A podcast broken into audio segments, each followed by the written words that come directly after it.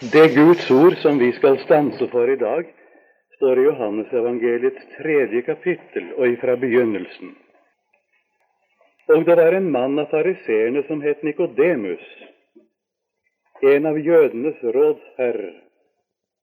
Han kom til ham om natten og sa til ham, Rabbi, vi vet at du er en lærer kommet fra Gud, for ingen kan gjøre disse tegn som du gjør, uten at Gud er med ham. Jesus svarte og sa til ham, Sannelig, sannelig sier jeg deg, uten at noen blir født på ny, kan han ikke se Guds rike. Nikodemus sier til ham, Hvorledes kan et menneske fødes når han er gammel? Kan han vel annen gang komme inn i sin mors liv og fødes?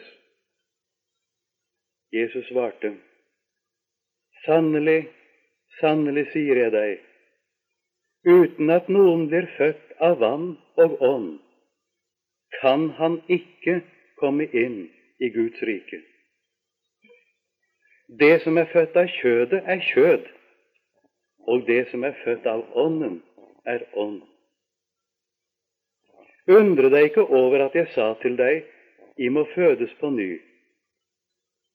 Vinden blåser dit den vil, og du hører den suser, men du vet ikke hvor den kommer fra, eller hvor den farer hen.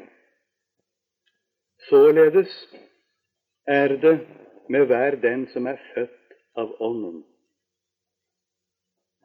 Nikodemus svarte og sa til ham, Hvorledes kan dette skje? Jesus svarte og sa til ham, Du er Israels lærer og vet ikke dette. Sannelig, sannelig sier jeg deg, vi taler det vi vet, og vi vitner det vi har sett, og I tar ikke imot vårt vitnesbyrd. Når jeg har sagt dere de jordiske ting, og I ikke tror, hvorledes skal De da tro om jeg sier dere de himmelske? Og dog er ingen steget opp til himmelen uten Han som er steget ned fra himmelen, menneskesønnen som er i himmelen. Og like som Moses opphøyet slangen i ørkenen, således skal menneskesønnen opphøyes for at hver den som tror på Ham, skal ha evig liv.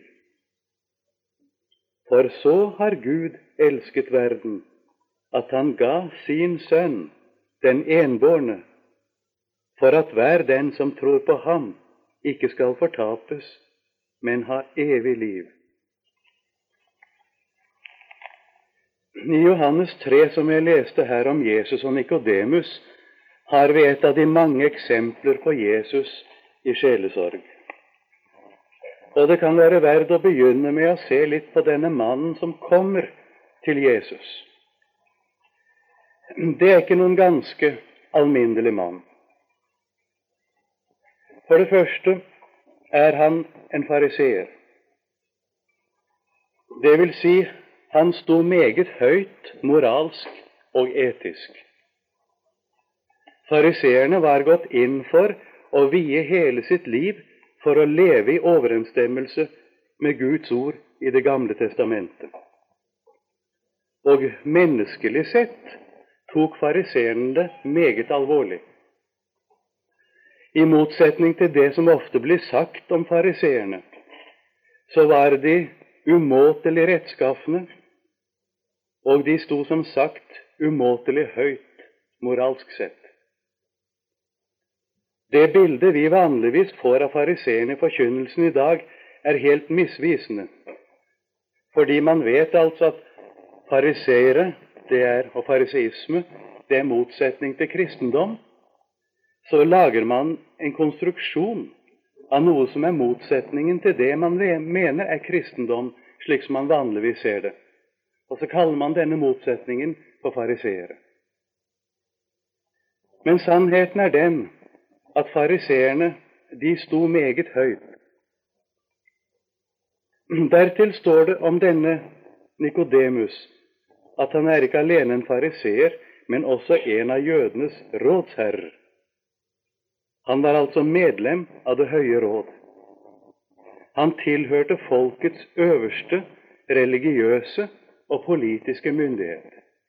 Likeså folkets øverste juridiske myndighet. For alt dette lå hos Det høye råd. Og de som var medlemmer av Det høye råd, de tilhørte de mest aristokratiske slekter i Israel. Og det å være medlem av rådet, det gikk da i arv i disse slektene. Dertil vet vi, om det ikke akkurat er sagt her, men det fremgår forresten av det som vi leser om Nikodemus i lidelseshistorien. Han var også en meget rik mann. Han var en meget høyt aktet mann i det israelittiske samfunn på Jesu tid. Legg så merke til at han kommer til Jesus på et meget tidlig tidspunkt. Dette er før Jesus har slått seg ned i Kapernaum og begynt sin offentlige virksomhet i Galilea. Før døperen Johannes er kastet i fengsel. Altså, dette hender i grunnen før Jesus riktig har begynt sin offentlige virksomhet for alvor. Noen undergjerninger vet vi Jesus hadde gjort, bl.a. det som fortelles om bryllupet i Kana i Galilea. Og vi hører ellers i kapittel 2 og 3 og begynnelsen av kapittel 4 også litt om Jesu virksomhet før han slår seg ned i Galilea. Det at Nikodemus kommer så tidlig, det viser at han har ikke vært noen åpenbar motstander av Jesus, slik som fariseerne pleide å være, og ikke minst rådsherrene også var. Han har tvert imot vært ærlig, sann og åpen. Han kommer til Jesus fordi det er noe ved Jesu forkynnelse og Jesu gjerninger, særlig hans undergjerninger, som sier at han har noe å lære hos Jesus. Og han er klar over at det går ikke an å stille seg likegyldig overfor ham, og det går slett ikke an å avvise ham. Nikodemus kommer altså med den innstilling. Han erkjenner at Jesus må være fra Gud. For ingen kan gjøre disse tegn som du gjør, sier han til Jesus, uten at Gud er med ham. Jesus går i det hele tatt ikke inn på det. Han bryter Nikodemus tvert av og legger for dagen at Nikodemus kan spare seg alle de spørsmål han nå har tenkt å komme med. For, sier Jesus, uten at en blir født på ny, kan en ikke se Guds rike. Der sier Jesus i virkeligheten det finnes ingen naturlig overgang fra å være et alminnelig menneske og til å bli en kristen. Det er ikke noe et menneske kan gjøre. Det er ikke noe et menneske kan lære for å bli en kristen, altså lære intellektuelt og teoretisk. Det er overhodet ingen muligheter i et menneske slik som han er. Han kan være kommet så langt han vil, moralsk og religiøst. Det er ingen muligheter for et slikt menneske til å være en kristen ut fra sine forutsetninger. Det må bli noe helt nytt, noe som det ikke er forutsetninger for på forhånd. Det kan jo høres veldig hardt til å begynne med. Men her må vi ikke korte av. Det må stå klart for oss at det å bli en kristen, det beror ikke på noe som et menneske kan gjøre. Heller ikke på noe som han teoretisk kan lære. Det beror på noe nytt. Noe som det ikke har vært før. Fødsel, vet dere, er begynnelsen på et nytt liv. Og Jesus vil altså si at for å kunne se. Det betyr gjøre erfaringer om Guds rike. Da må det begynne et nytt liv i et menneskes hjerte. Det som altså møter Nikodemus, og det som møter oss alle når vi kommer frem for Jesus og sannheten i Guds ord, det er at det blir gjort klart for oss at vi kan ikke bli kristne ut fra noen naturlig forutsetning, men at det beror på et nytt liv som fødes i oss av Gud. Her skal dere legge merke til at det uttrykket blir født på ny' det betyr samtidig i grunnteksten å bli født ovenifra, nemlig fra himmelen. Så her sies i ett og samme uttrykk to ting. Det er en fødsel som Gud virker i et menneske, og som gjør at han blir født på ny. Nikodemus reagerer på dette spørsmålet på en meget karakteristisk måte. Han sier det Hvordan kan et menneske fødes når han er gammel? Kan han vel annen gang komme inn i sin mors liv og fødes? Hva er dette for slags tale? Hva vil det si? Jeg vet ikke om dere skjønner hva som ligger i spørsmålet. Nikodemus vil ha et teoretisk svar på hva kristendom er, for å si det i vår dagligtale. Som så mange mennesker, når en prøver å holde frem for dem hva det er å være en kristen, så får en straks spørsmål om en teoretisk kan forklare hva det vil si. Det er typisk for vår reaksjon.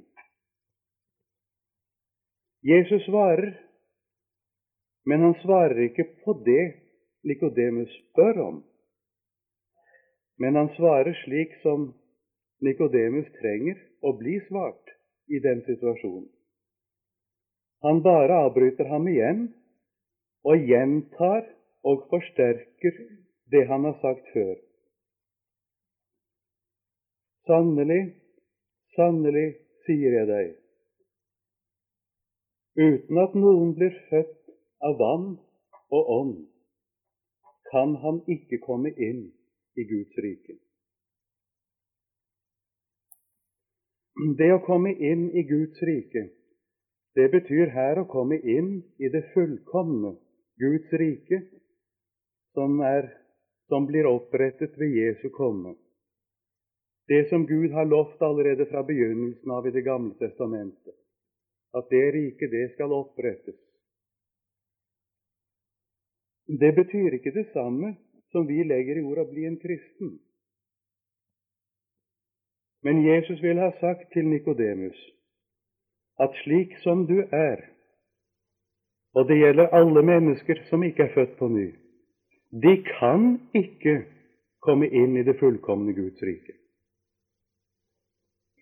Når det er spørsmål om å komme inn i himmelen, som vi sier, da kan ikke et menneske komme inn der slik som han er.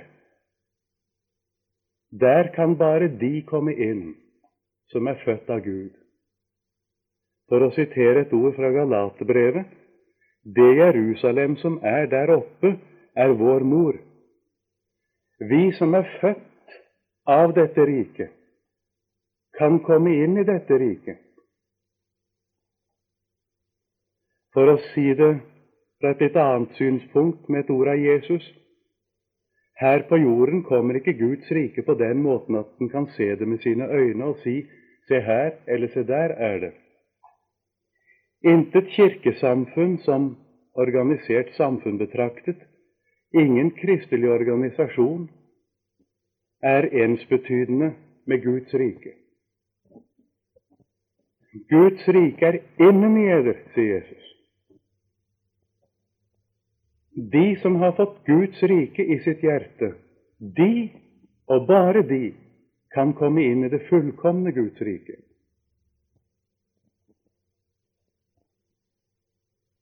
Og nå må dere også være klar over en ting til. Når Jesus her sier 'uten at noen blir født av vann og ånd', kan han ikke komme inn i Guds rike. Da snakker Jesus ikke om dåpen. Visstnok er det så at dåpen er et virkelig sakrament, og at Gud anvender alt det Han har gitt oss i Kristus, på den som døpes i den treenige Guds navn. Men vi kan allikevel ikke derav slutte at alle som er døpt, er kristne. Og vi har heller ikke lov til ut fra det å trekke dåpen inn i denne sammenheng, for Jesus har ikke innstiftet dåpen ennå. Jesus innstiftet ikke dåpen før etter sin oppstandelse. Og det er klart at om han hadde talt til Nikodemus om den dåpen han skulle innstifte etter at frelsen var fullbrakt, kunne det umulig ha noen sammenheng med Nikodemus' situasjon. Det uttrykket 'uten at noen blir født av vann og ånd' det sikter til døperen Johannes, som kom og døpte med vann, som det står. Den dåpen døperen foretok, det er en helt annen dåp enn den Jesus har innstiftet. Det er en dåp som skjedde på grunnlag av synsbekjennelse, og som var et symbol på at de erkjente sine synder. Og forresten står det det at de ble døpt av ham i elven Jordan idet de bekjente sine synder. Ingen ble døpt uten det. Jesus han kom for å døpe med Den hellige ånd. Og det er dette Jesus sikter til. Han vil si til Nikodemus Du spør om dette. Du vil ha et teoretisk svar. Her kom døperen Johannes og døpte med vann. Og her kommer jeg og døper med Den hellige ånd. Men du og dine likemenn, de vil ikke bøye seg for døperens forkynnelse. De vil ikke ta imot det som døperen kom med. Og så langt Jesu erfaring rekker, så ser han jo det at alle tegn tyder på at fariseerne, og særlig rådsherrene, de vil heller ikke gå inn på det som Jesus er kommet med, eller bøye seg for Guds råd til frelse, slik som det åpenbares i Jesus. Dermed er et menneske hindret for at Gud kan frelse ham. For hvis et menneske ikke tar imot det som Gud gir til frelse, så blir det ikke frelst. Og det liv Jesus taler om, det antyder han altså alt her, det er knyttet til det som han forkynner og virker ved dem han er oppreist til å forkynne i Israel. Først var det altså i denne situasjonen døperen Johannes, og nå er det Jesus. Jeg vet ikke om dere får fatt i meningen. Han vil si altså at uten at det skjer gjennom det som Gud virker ved de som nå er i virksomhet, for døperen holder nemlig på å virke ennå. Ved det som Gud gjør gjennom døperen, og ved det som han gjør gjennom Jesus. De som ikke gjennom dette er kommet til et nytt liv i Gud, virket av Gud, de vil ikke komme inn i det fullkomne Guds rike. Når vi skal anvende dette praktisk, så blir nettopp spørsmålet for oss, og ganske særlig for oss som er døpt som små, hvordan står vi i dag til Guds frelsesråd? Det er det som blir det tilsvarende for oss til uten at noen blir født av vann og ånd. Hvordan står vi i forhold til evangeliet? Hvordan er vårt personlige forhold til Jesus? Den som ikke har Guds sønn, han har ikke livet. Et menneske som er døpt, men ikke tror på Jesus og ikke har Guds sønn, har ikke livet.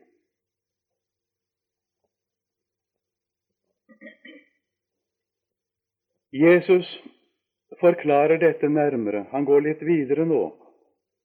Etter han har sagt dette om å være født av vann og ånd, så kan han ikke komme inn i Guds rike. Han sier det som er født av kjødet, det er kjød. Dermed mener han det som altså springer ut og er virket av det naturlige mennesket. Det er jo det naturlige mennesket. Det som kommer fra vårt eget hjerte, det er som vårt eget hjerte. Hva bor i oss? Egoisme, eksempel, kan ikke bli kjærlighet. Hovmot kan ikke bli ydmykhet. Urenhet kan ikke bli ren. Selvhevdelse, fornærmelse, indre ondskap, lyst til det onde, ulyst til Gud, alt dette som vi har i oss selv, og som vi kjenner hver dag, er i vår egen gamle natur. Dette kan ikke bli noe annet. Ut av dette kan det ikke komme noe godt eller noe Guds liv. Slik er det som er født av kjødet, det er kjød. Mens det som er født av Ånden, Guds hellige ånd, det er ånd. Bare det i et menneske som er født av Guds hellige ånd, bare det kan skape og siden gi vekst til et nytt liv i mennesket. Og der fortsetter Jesus videre. Han sier til Nikodemus, som han sier det til oss, du skal ikke undre deg over dette her, sier han. Du synes dette er en merkelig tale, og du skjønner ikke denne talen om en ny fødsel. Men undre deg ikke over det, sier han, at jeg sa til deg at du må fødes på ny. Så bruker han et bilde til å illustrere det. Vinden blåser dit den vil, og du hører den suser, men du vet ikke hvor den kommer fra, eller hvor den farer hen. Og da Nikodemus svarer neste gang, da viser det at han har tatt dette ordet til seg. Det er ingen protest. Det er ikke lenger spørsmål om teoretisk forklaring, men det er ganske enkelt spørsmålet Hvorledes kan dette skje, sier han. Som vi ville ha sagt i vår daglige tale antakelig, hvordan kan jeg oppleve dette?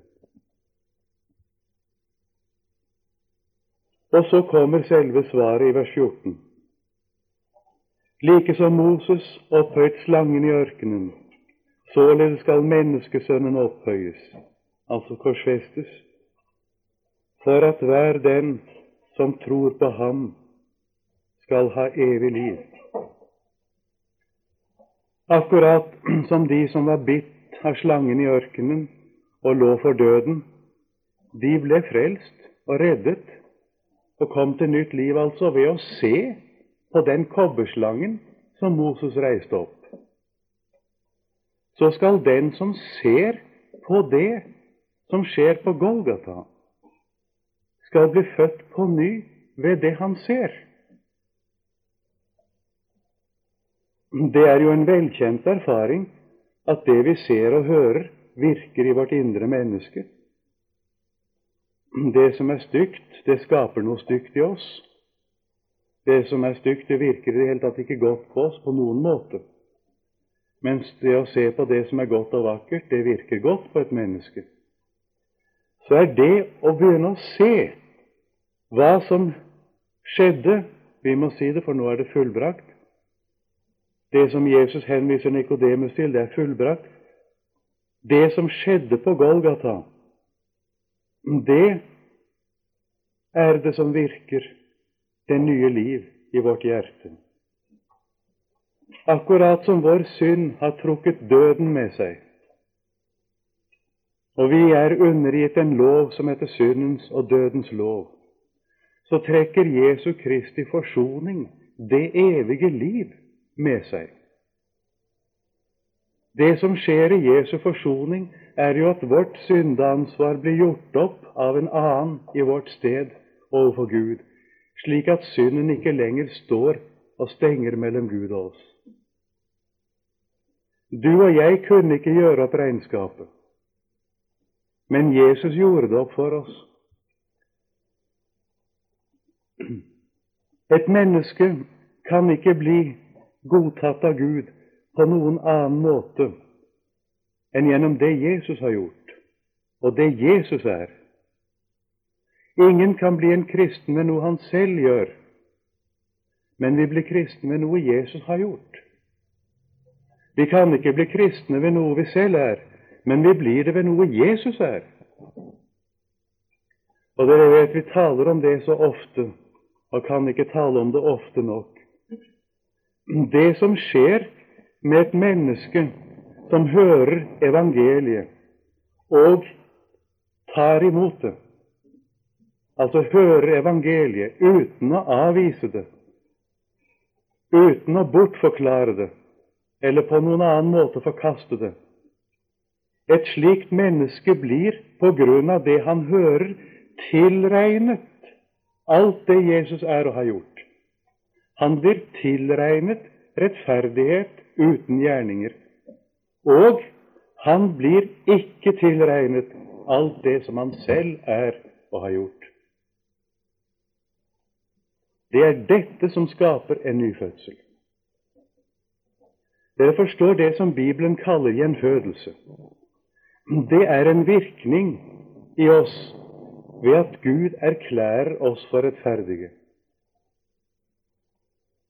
Gud erklærer oss, altså tilregner oss, rettferdighet uten gjerninger og tilregner oss ikke synd, fordi Jesus, han ble tilregnet alt det vi er og har gjort. Så skal vi isteden bli tilregnet hva han er og har gjort. Jesus ble behandlet som om han var oss, og så skal vi på grunn av det Jesus har gjort, få bli behandlet som om vi var ham. Det er bare der hvor dette budskap lyder, at gjenfødelsen skjer. Og dere forstår, det er fordi Jesus har knyttet dette til dåpen, at det overhodet kan være tale om gjenfødelse i forbindelse med dåpen. Men da skjønner dere, gjenfødelse i dåpen skjer bare hos de mennesker som tar imot Jesus i tro ikke hos noen andre. Det hjelper ikke om en er døpt hvis en ikke tror på Jesus.